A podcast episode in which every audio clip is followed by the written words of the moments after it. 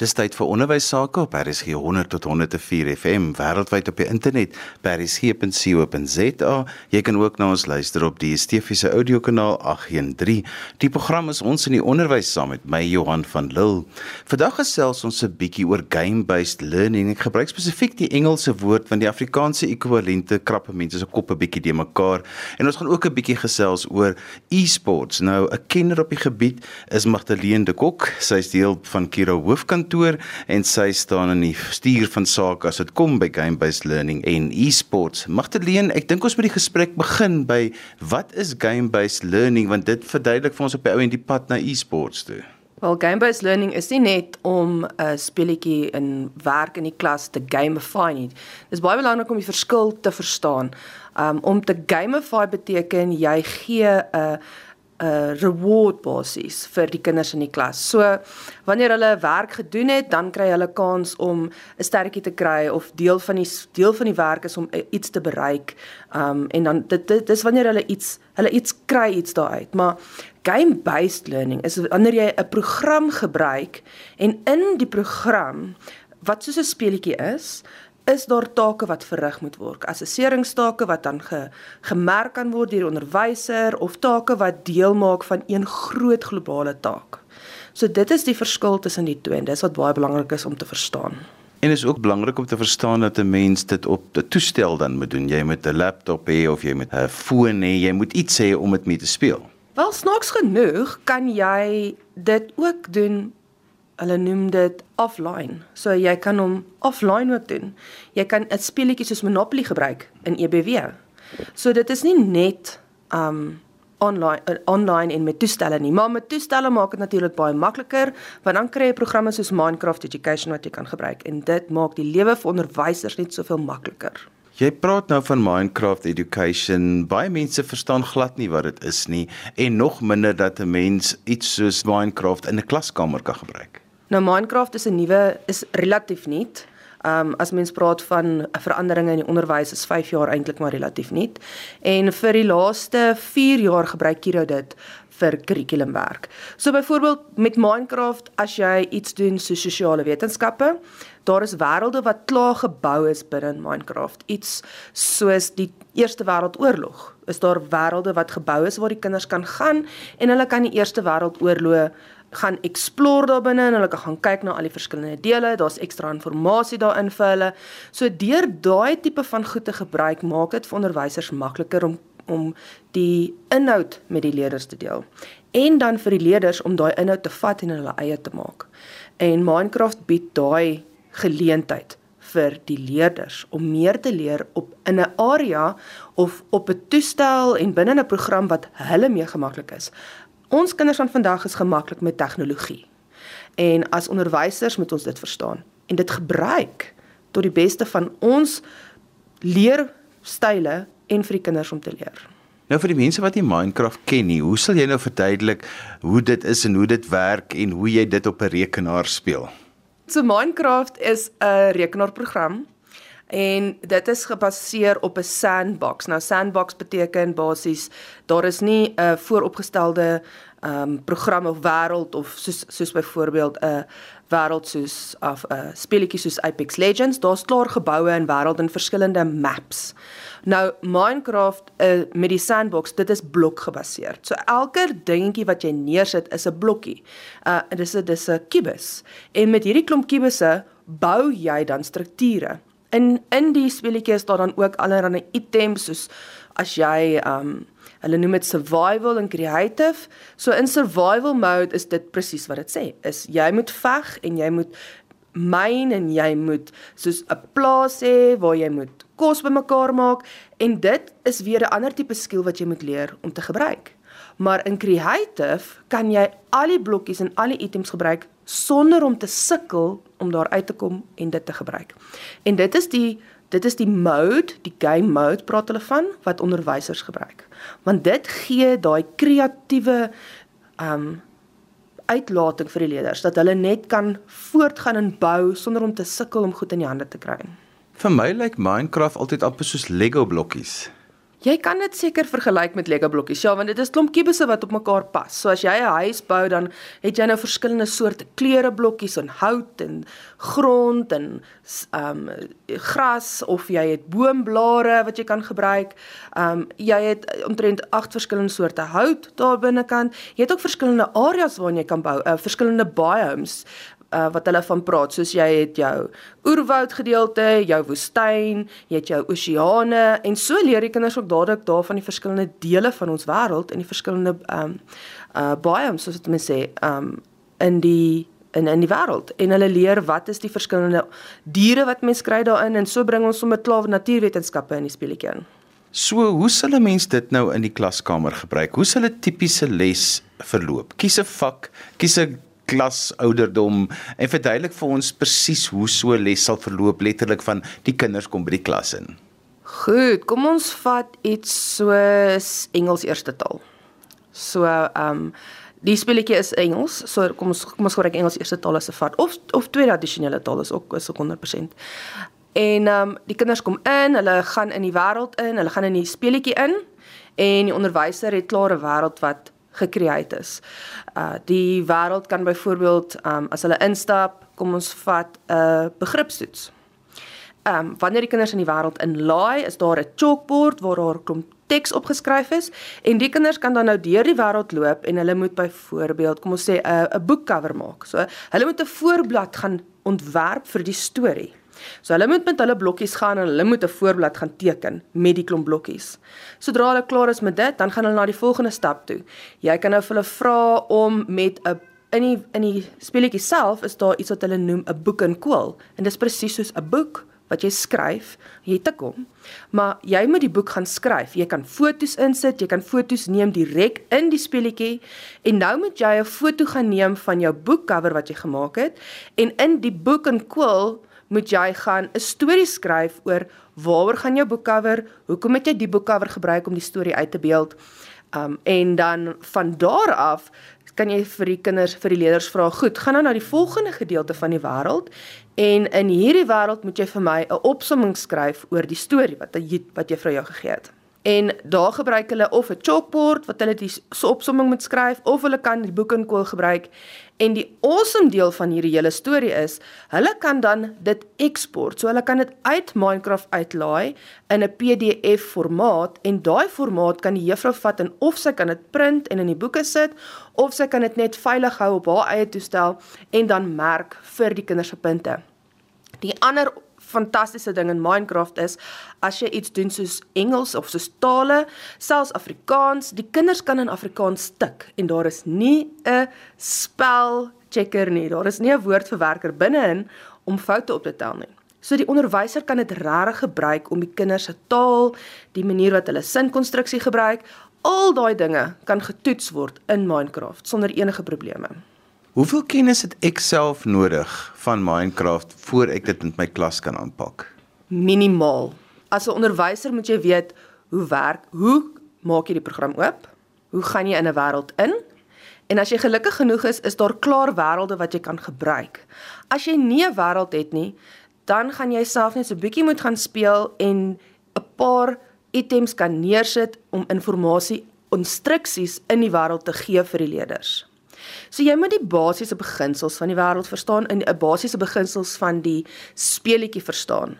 Maar jy hoef nie 'n absolute ekspert te wees nie. Jy hoef nie te weet hoe werk die die kodering agter dit nie. Jy hoef nie te weet wat is die allerlei ekstra stellings wat jy moet maak om die grafieke mooi te maak nie of om die klank 100% laat werk nie want dit is nie nodig nie. Jy moet die basiese weet. Hoe om die program op te maak, hoe om 'n basiese wêreld vir jouself te, te maak, 'n ander wêreld te gebruik en dan natuurlik hoe om die leerders in die wêreld te kry. Magdalene, daar's daar altyd mense wat maar bang is vir tegnologie in die klaskamer en as jy nog sê ons gaan nou rekenaarspeletjies as deel van die kurrikulum gebruik, dan frons baie van ons tradisionele onderwysers nog al 'n bietjie. Definitief en dit is een van die doelwitte om rekenaars te gebruik in die klaskamer dit maak die onderwyser se merk werkslading makliker en gemakliker vir die leerders. En daar is leerders in ons klaskamers wat floreer in vandag se tegnologie. Um waar hulle dit elke dag gebruik, hulle is gemaklik daarmee en jy gee vir daai leerder 'n plek waar hy homself kan uitbeeld, um waar hy gemaklik is. Nou die eerste ding wat ek vir 'n onderwyser, 'n tradisionele um, onderwyser wat nou al jare in die onderwys is, wat self 'n rekenaar gebruik net vir die basiese of selfs nie eers 'n rekenaar gebruik nie, is kan ek glo dat dit absoluut oorweldigend is. Maar die maklikste manier is net om te begin. Begin net. Gaan speel self die speletjie. Gaan speel die speletjie en kyk wat gebeur. Moenie net dink jy gaan 'n speletjie gebruik en dan kom jy in die klas en dan sit soos totaal en al oorweldigend nie. Jy moet self eers net so bietjie gemaklik raak met speletjie. En dit is die eerste punt. Ehm um, eerste beginpunt. En onderwysers, professionele ontwikkeling, dis baie belangrik en hierdie is een van die maniere wat jy kan begin. My gas vandag is Magdalene de Kok en sy is van die Kiro groep en ons gesels vandag 'n bietjie oor game-based learning en ons gaan nou uitkom by 'n baie opwindende deel van die hele gebruik van speletjies in skole en dit is e-sports. Magdalene, ons het al vroeër jare bietjie daaroor gesels, maar dit het nou al so ontwikkel. So, maar vir die luisters wat nog nie lekker verstaan wat dit is nie, want ek dink die e voor die e-sports maak dit vir mense nog 'n bietjie fascinerend, maar ook 'n bietjie verwarrend. So e-sports kom neer op elektroniese speletjies en dit sluit enigiets in wat jy op 'n toestel kan speel. Um en waarvoor jy natuurlik krag en elektrisiteit nodig het. So dit is waarop dit neerkom en dit kan gebeur op 'n selfoon, op 'n tablet of op 'n gewone rekenaar. En uh die speletjies wat ons gebruik sluit in uh Rocket League, Apex Legends, Valorant, Minecraft, Education wat natuurlik die groot een is. Hoe is dit moontlik dat dit mense dit kan 'n sport noem want die kinders sit daar stil? Jong, met uh, jy sal verbaas wees. Uh, um speletjies soos League of Legends en Dota uh is daar miljoene dollars as prysgeld. En ons kinders sien dit. Hulle beleef dit. Hulle hulle kyk op YouTube en hulle sien hoe hierdie sport en hierdie sportmense en vrouens miljoene rande wen en dan sit hulle en dink hulle self, maar ek sit dan stil. Daar's soveel komponente daarin wat mense nie altyd aan dink nie. As jy mens gaan kyk na e-sport dan dis dis absoluut kompeterend. Dis 'n span sport. So jy moet as 'n span kan saamwerk en tog is dit een van jou groot dinge van 'n sport meeste van die tyd. As jy gaan kyk na rugby en netbal, um selfs jou individuele sport soos tennis jy het nog steeds mense om jou wat jou help om daai te bereik. En so het jy in e-sport selfs afrigters wat jou help om dinge te bereik. Jy het um mense wat met jou werk om jou gesondheid te behou in e-sport. Want tog moet daar uh jy moet op 'n sekere manier sit. Jy moet uh strek tussenin. Jy jy kan nie net sommer enige um junk food eet nie. Jy moet gesond eet want in daai tyd wat jy so sit, Partykeer sit jy vir 4, 5, 6 ure aan mekaar in 'n speletjie. Ehm um, jy moet tussenin moet jy na jou eie gesondheid kyk. So en in e-sport self is daar soveel werksgeleenthede. Uh dit gaan nie net oor die speler wat daar sit en speel nie. Dit gaan ook oor die ontwikkeling daar rondom. So as 'n kind wat jy begin net deur speletjies te speel, um is net die beginpunt. Maar jy raak dalk geïnteresseerd om hierdie speletjies te stream om om 'n om 'n content creator te word. En dan begin jy um al jou inligting en jou in jou kennis deel met die wêreld daar buite. So dit is nie net kom ons sit en speel 'n rekenaarspeletjie nie. Daar's soveel meer daar daarmee betrokke. Verduidelik vir my hoe werk 'n uh, e-sports byeenkoms en verduidelik dit sommer aan die hand van Minecraft wat ons nou al so 'n bietjie gesels het oor in die eerste gedeelte van vandag se program en mense het nou al 'n klein bietjie beter idee hoe dit werk. Hoe sal so 'n uh, e-sport Minecraft kompetisie byeenkoms, ek weet eintlik wedstryd, wat dit ook al dit wil noem. Hoe gaan dit werk? Goed, so die kinders kom almal bymekaar. Die afrigters kry hulle 'n spannetjie bymekaar en hulle laai dan in 'n wêreld in. En in die wêreld is daar dan die twee spanne en hulle gaan staan elkeen in 'n area wat afgebaken is vir hulle. Ons het twee verskillende soorte Minecraft e-sports. Ons het die build battles waar hulle bou. So ons gee hulle die tema, die temas van die toernooi hierdie hierdie afgelope naweek was natuurlike fenomenons, so goeters soos die Northern Lights, uh die uh, Rivers of Five Colors en daai tipe van goed is gebou. En dan het ons ook die wonders van die wêreld gebou. Ons het kinders gehad wat Petra gebou het, wat in Jordan is. Dit is ongelooflik wat hierdie kinders kan bou. En aan die ander hand van e-sports het ons die hulle noem dit die PVP. Dit beteken dis player versus player. En dit is wie laaste oorleef wen die speletjie.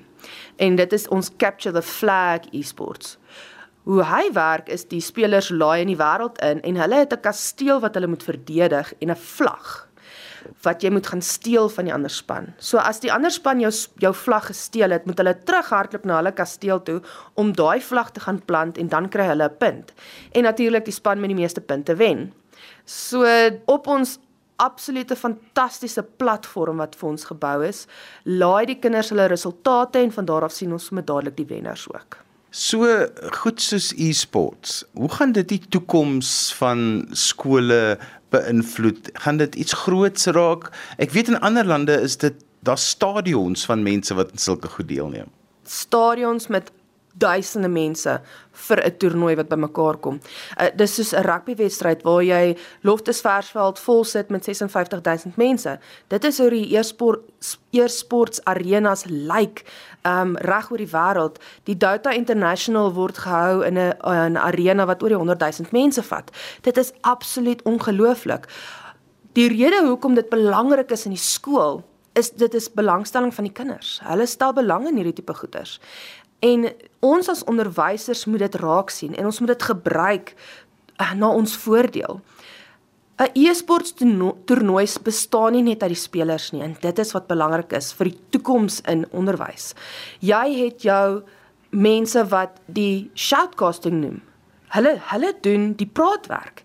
Dit moet 'n leier leier wees wat gemaklik is vir mense, wat sy taal ken. Jy het men, jy het kinders nodig of leerders nodig wat weet hoe die details van die game werk. So hulle ken al die statistiek. Hulle weet as hierdie tipe speletjie op hierdie hoeveelheid gespeel word, hulle ken die statistiek van die spelers, hoeveel keer hulle gewen het, ehm um, so met watter span hulle het gespeel het. So daai kom bring dit terug alles wiskunde toe. Dan het jy jou Ek wil gou net jou invra na die shoutcasting, soos wat Johan Rademan nou 'n rugby wedstryd uitsaai, so is die shoutcaster nou 'n leier wat eintlik nou hierdie Minecraft of hierdie wat ook al gebeur uitsaai soos amper op radio. Inderdaad, dit is presies wat dit is en met die afgelope Kiro Cup het ons 'n leerder gehad, Roo Pretorius van Kiro Kruisdorp en hy het saam met my op 'n casting couch gesit en ons twee het gestaan gesit en gesels oor die huidige speletjie wat gespeel word en dit is uitgesaai op Twitch. So hierdie kind het 'n geleentheid gehad om op 'n internasionale vlak blootstelling te kry deur te praat oor wat op die huidige oomblik aangaan in 'n Minecraft speletjie. En dit is wat shoutcasting is. Jy skree en raas en opgewonde oor wat gebeur nou en wie maak wie dood en wie jaag wie of wie bou hierso en wie se bou is die beste. So dit dit is goed wat gebeur in die agtergrond. Uh jy het jou kameramanne nodig wat die die goed uh opneem. Jy het jou um mense nodig wat die klank moet doen. Uh jy het jou graphics designers. Jy weet wat die wat die die prentjies aan die onderkant en die video's maak wat deurgaan en tussenin is en al daai al daai dinge wat jy sien wanneer daar 'n rugby uitsaai wedstryd is, gebruik ons ook in e-sports en in e-sport streaming en e-sports toernooie. En dis wat dit die opwinding is waar dit in onderwys soveel geleenthede gaan bied vir ons leerders.